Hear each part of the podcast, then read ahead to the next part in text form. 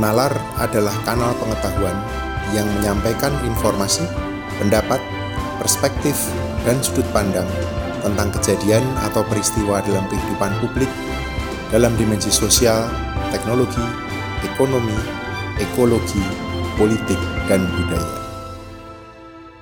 Selamat datang di kanal Nalar, mencari makna dalam peristiwa. Saudara-saudara, Undang-Undang Cipta Kerja disahkan pada tanggal 5 Oktober 2020 kemarin. Undang-undang ini dimaksudkan untuk melakukan reformasi struktural dan mempercepat transformasi ekonomi.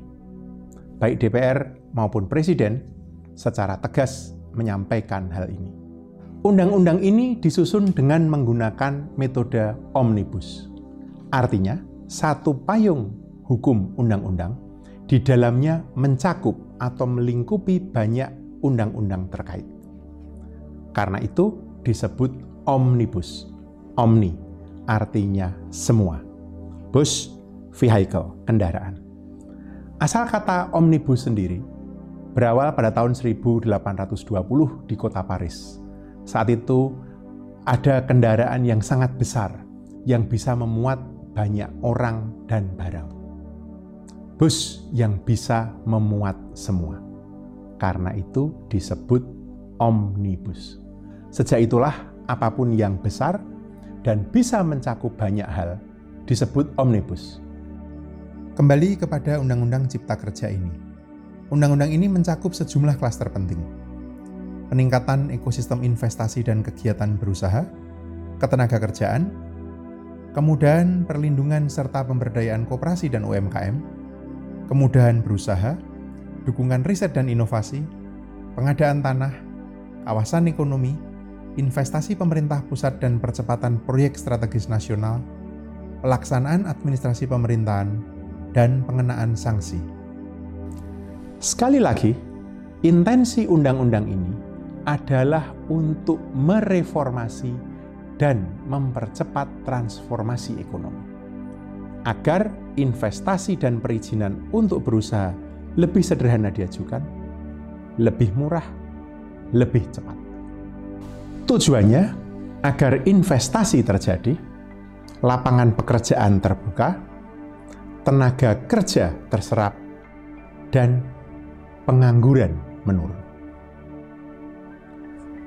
Saudara-saudara, saya mengikuti proses pengesahan Undang-Undang Cipta Kerja kemarin serta protes publik yang menyertainya. Saya sempat berpikir panjang dan tertegun. Sebegitu masif, bahkan sebegitu brutal reaksinya. Protes dan demonstrasi terjadi di puluhan, bukan hanya belasan kota. Di beberapa kota, bahkan banyak kerusakan yang ditimbulkan. Isi tuntutannya adalah agar undang-undang ini dibatalkan, karena ternyata dampak dari intensi undang-undang ini merugikan berbagai kelompok masyarakat, khususnya buruh dan berdampak buruk bagi lingkungan. Menanggapi protes ini, Presiden menyatakan dalam pidatonya tanggal 9 Oktober kemarin bahwa jika ada ketidakpuasan terhadap isi undang-undang ini, publik dipersilakan mengajukan uji materi atau judicial review melalui Mahkamah Konstitusi. Benar, sistem ketatanegaraan kita memang memungkinkan hal ini.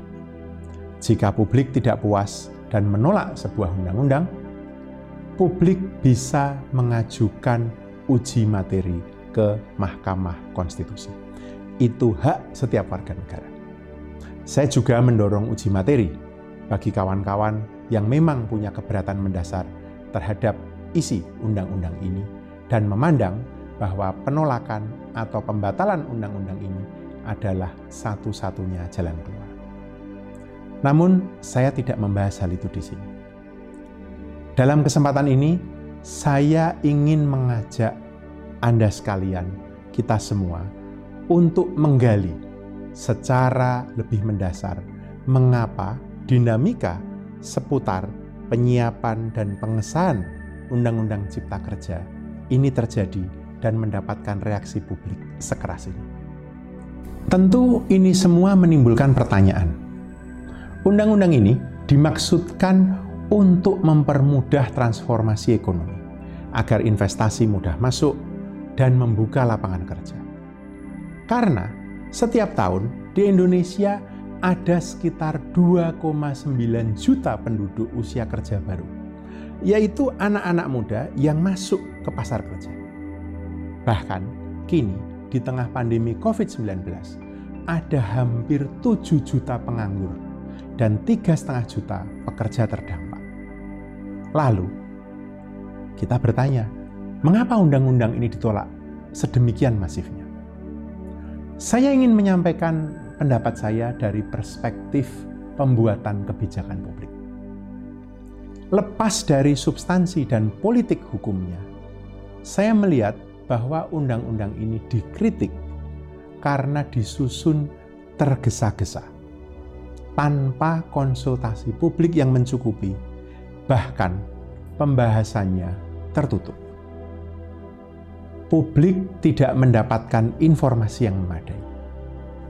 Bahkan, ada lima versi yang beredar di masyarakat. Versi 1028 halaman yang beredar pada bulan Maret dan ada di website resmi DPR.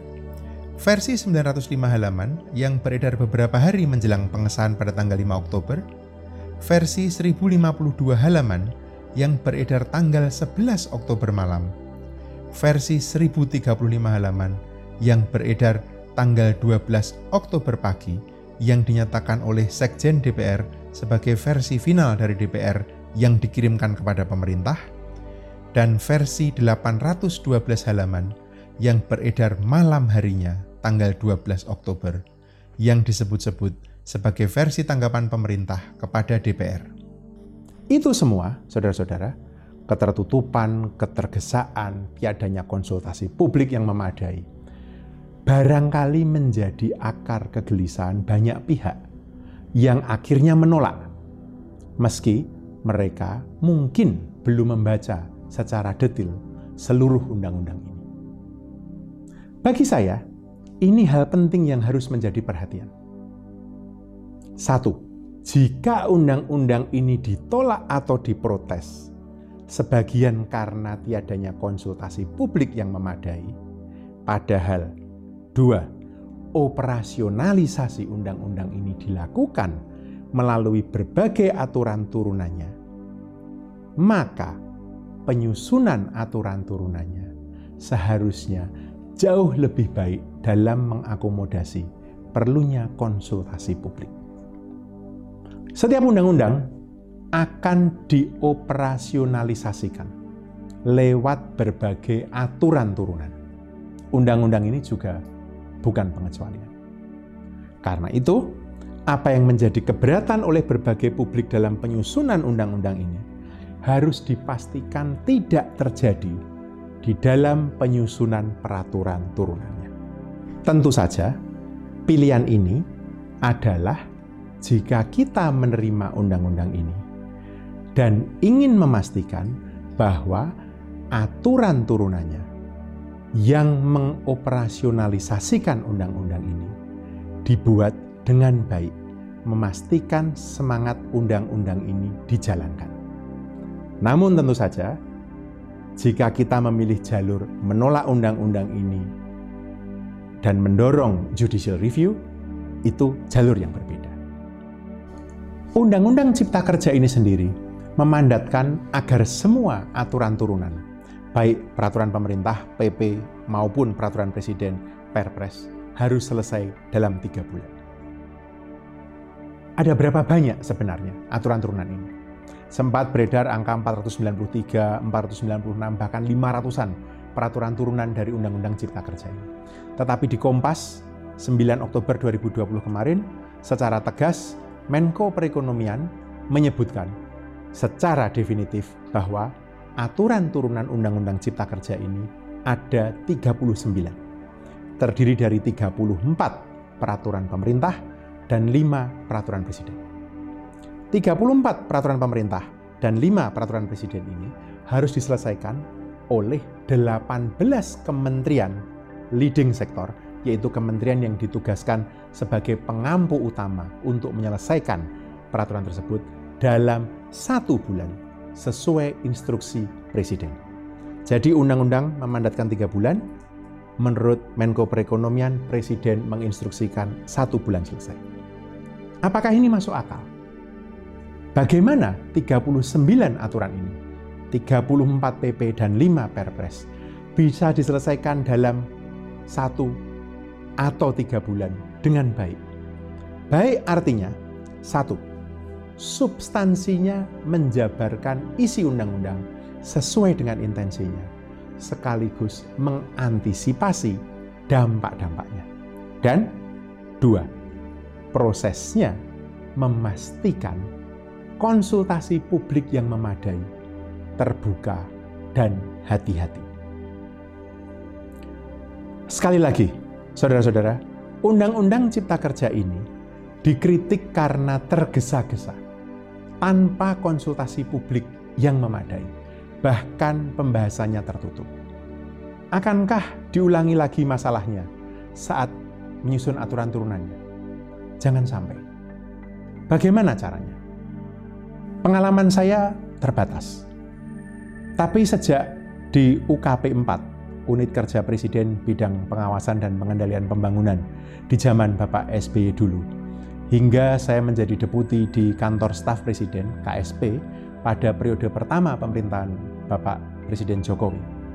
Ada cukup banyak penyusunan peraturan perundangan di mana saya terlibat di dalamnya. Di catatan saya, Selama di KSP dari tahun 2015 sampai tahun 2019, saya ikut mendorong, terlibat aktif, dan melakukan percepatan terhadap penerbitan 7 undang-undang, 11 peraturan pemerintah, 16 peraturan presiden, 4 instruksi presiden, dan satu keputusan presiden. Seluruh penyusunan peraturan perundangan itu panjang prosesnya. Saya ambil beberapa contoh. Perpres mengenai e-government, SPBE, sistem pemerintahan berbasis elektronik yang menjadi dasar digitalisasi pemerintahan saat ini. Misalnya, butuh waktu setahun hanya untuk drafting. Kalau dihitung sejak inisiasi awalnya, mungkin hampir tiga tahun. Peraturan Presiden mengenai satu data Indonesia yang kini menjadi dasar bagi pakai dan interoperabilitas data antar instansi pemerintah malah butuh tiga tahun hanya untuk proses drafting dan penyusunannya. Cetak birunya malah sudah selesai sejak Agustus atau September tahun 2014, masih di zaman Pak SBY. Peraturan pemerintah mengenai manajemen P3K, pegawai pemerintah dengan perjanjian kerja, yang memungkinkan profesional bergabung menjadi ASN, aparatur sipil negara, atau mengangkat ratusan ribu tenaga honorer, bidan, guru, penyuluh menjadi ASN. Butuh dua tahun penyusunannya. Lama. Lama. Tetapi ketiganya mungkin termasuk kerangka regulasi yang bagi saya cukup baik dan utuh dan cukup memadai dalam hal mengakomodasi berbagai kepentingan yang terlibat. Mengapa? Karena dalam pembuatannya ada konsultasi publik yang memadai. Saya masih ingat draft Perpres 1 data itu bahkan sampai ke versi ke-23. Dikonsultasikan dengan berbagai kelompok termasuk berbagai LSM difasilitasi oleh Bapenas dan KSP sebelum dibawa ke rapat antar kementerian. Belasan kali bidan desa, honorer, guru honorer, kami terima rapat di kantor staf presiden menyuarakan aspirasinya. Lalu kami diskusikan dengan teman-teman dari Kementerian PAN-RB untuk menyempurnakan draft peraturan pemerintah manajemen mengenai P3K. Saya tidak mengatakan bahwa membuat PP atau Perpres itu harus lama. Tidak. Sekali lagi, tidak. Membuat PP atau Perpres tidak harus lama tetapi prosesnya harus benar. Jika tergesa-gesa, dipaksakan hanya untuk mengejar target, harus selesai sekian minggu, atau sekian bulan, maka risiko untuk mengorbankan proses ini tinggi sekali. Bisa saja kajian akademiknya salah-salah, konsultasi publik sekenanya atau seenaknya, atau draftingnya ceroboh. Karena harus mengejar tenggat atau kejar tayang. Bekerja cepat dengan sistematis itu berbeda dengan bekerja tergesa-gesa, ceroboh. Dalam penyusunan kerangka regulasi, ini haram, harus dihindari. Jadi, bagaimana kita ikut mendorong agar pembuatan aturan turunan Undang-Undang Cipta Kerja ini 39 aturan yang dipimpin oleh 18 kementerian ini, prosesnya benar. Dan dengan demikian harapannya, substansinya juga bisa dikritisi secara mencukupi. Satu aspek kunci dari proses ini adalah konsultasi publik. Ini penting untuk dua hal. Pertama, secara substansi, agar hal-hal yang selama ini menjadi keberatan berbagai kelompok masyarakat bisa dibahas, dibicarakan. Jika ada dampak dari sebuah kebijakan, bisa diantisipasi, bisa dimitigasi. Dua, secara politis, mengembalikan trust atau kepercayaan publik bahwa pemerintah memang sungguh mendengarkan dan berpihak kepada kepentingan banyak orang. Sepengetahuan saya, saat ini sudah ada persiapan di kementerian untuk penyusunan aturan turunan Undang-Undang Cipta Kerja ini. Sudah ada rancangan peraturan pemerintah ataupun rancangan peraturan presiden yang disiapkan. Sudah ada naskah akademiknya. Menurut saya itu bagus. Juga saya mendengar tidak diperlukan lagi izin prakarsa sendiri-sendiri bagi setiap kementerian leading sektor tadi dari presiden. Ini lebih bagus lagi. Yang sekarang perlu kita pikirkan, bahkan kalau perlu kita dorong, bagaimana presiden bisa memerintahkan, adalah agar ada waktu yang dialokasikan secara khusus, misalnya sebulan, untuk konsultasi publik agar kementerian atau lembaga melakukan konsultasi publik tentang isi atau substansi peraturan pemerintah atau peraturan presiden tersebut. Agar kementerian atau lembaga mengundang kelompok masyarakat, LSM, akademisi, masyarakat terdampak, dan berdiskusi, bukan sosialisasi. Sekali lagi, untuk berdiskusi. Jadi ada tukar menukar gagasan, menampung dan mengakomodasi masukan dan tuntutan masyarakat. Sudah sering proses konsultasi publik ini asal-asalan. Yang diundang hanya organisasi yang itu-itu saja, tidak beragam, dan akibatnya hanya dijadikan legitimasi bahwa publik sudah dilibatkan. Tidak, jangan seperti itu. Sebulan, hemat saya, cukup untuk konsultasi ini. Asal dilakukan serius, terbuka. Ini zaman internet. Masukan bisa dijaring lewat berbagai cara. Dipertimbangkan. Dibuat deliberasi. Publik diajak berdiskusi. Lalu, sisa dua bulannya, bagi kementerian atau lembaga itu sendiri untuk melakukan drafting, pembahasan antar kementerian, harmonisasi, dan seterusnya. Dengan demikian, meski harus bekerja cepat, namun tidak tergesa-gesa. Karena kita tahu ketergesa-gesaan itu ada ongkosnya. Dan ongkos itu mahal. Kecerobohan itu ongkosnya. Bahkan jika Anda menyangkalnya. Seluruh dinamika penyusunan dan pengesahan Undang-Undang Cipta Kerja ini sudah membuktikan hal itu. Juga berbagai produk hukum sebelumnya. Itu yang saya khawatirkan dengan kejar tayang penyelesaian semua peraturan turunan dari undang-undang ini. Karena itu, saya mengusulkan bagaimana memitigasi, mengantisipasi agar ketergesa-gesaan ini dampaknya dikurangi. Sekaligus mengkanalisasi kegusaran publik, memastikan ada proses konsultasi publik yang memadai.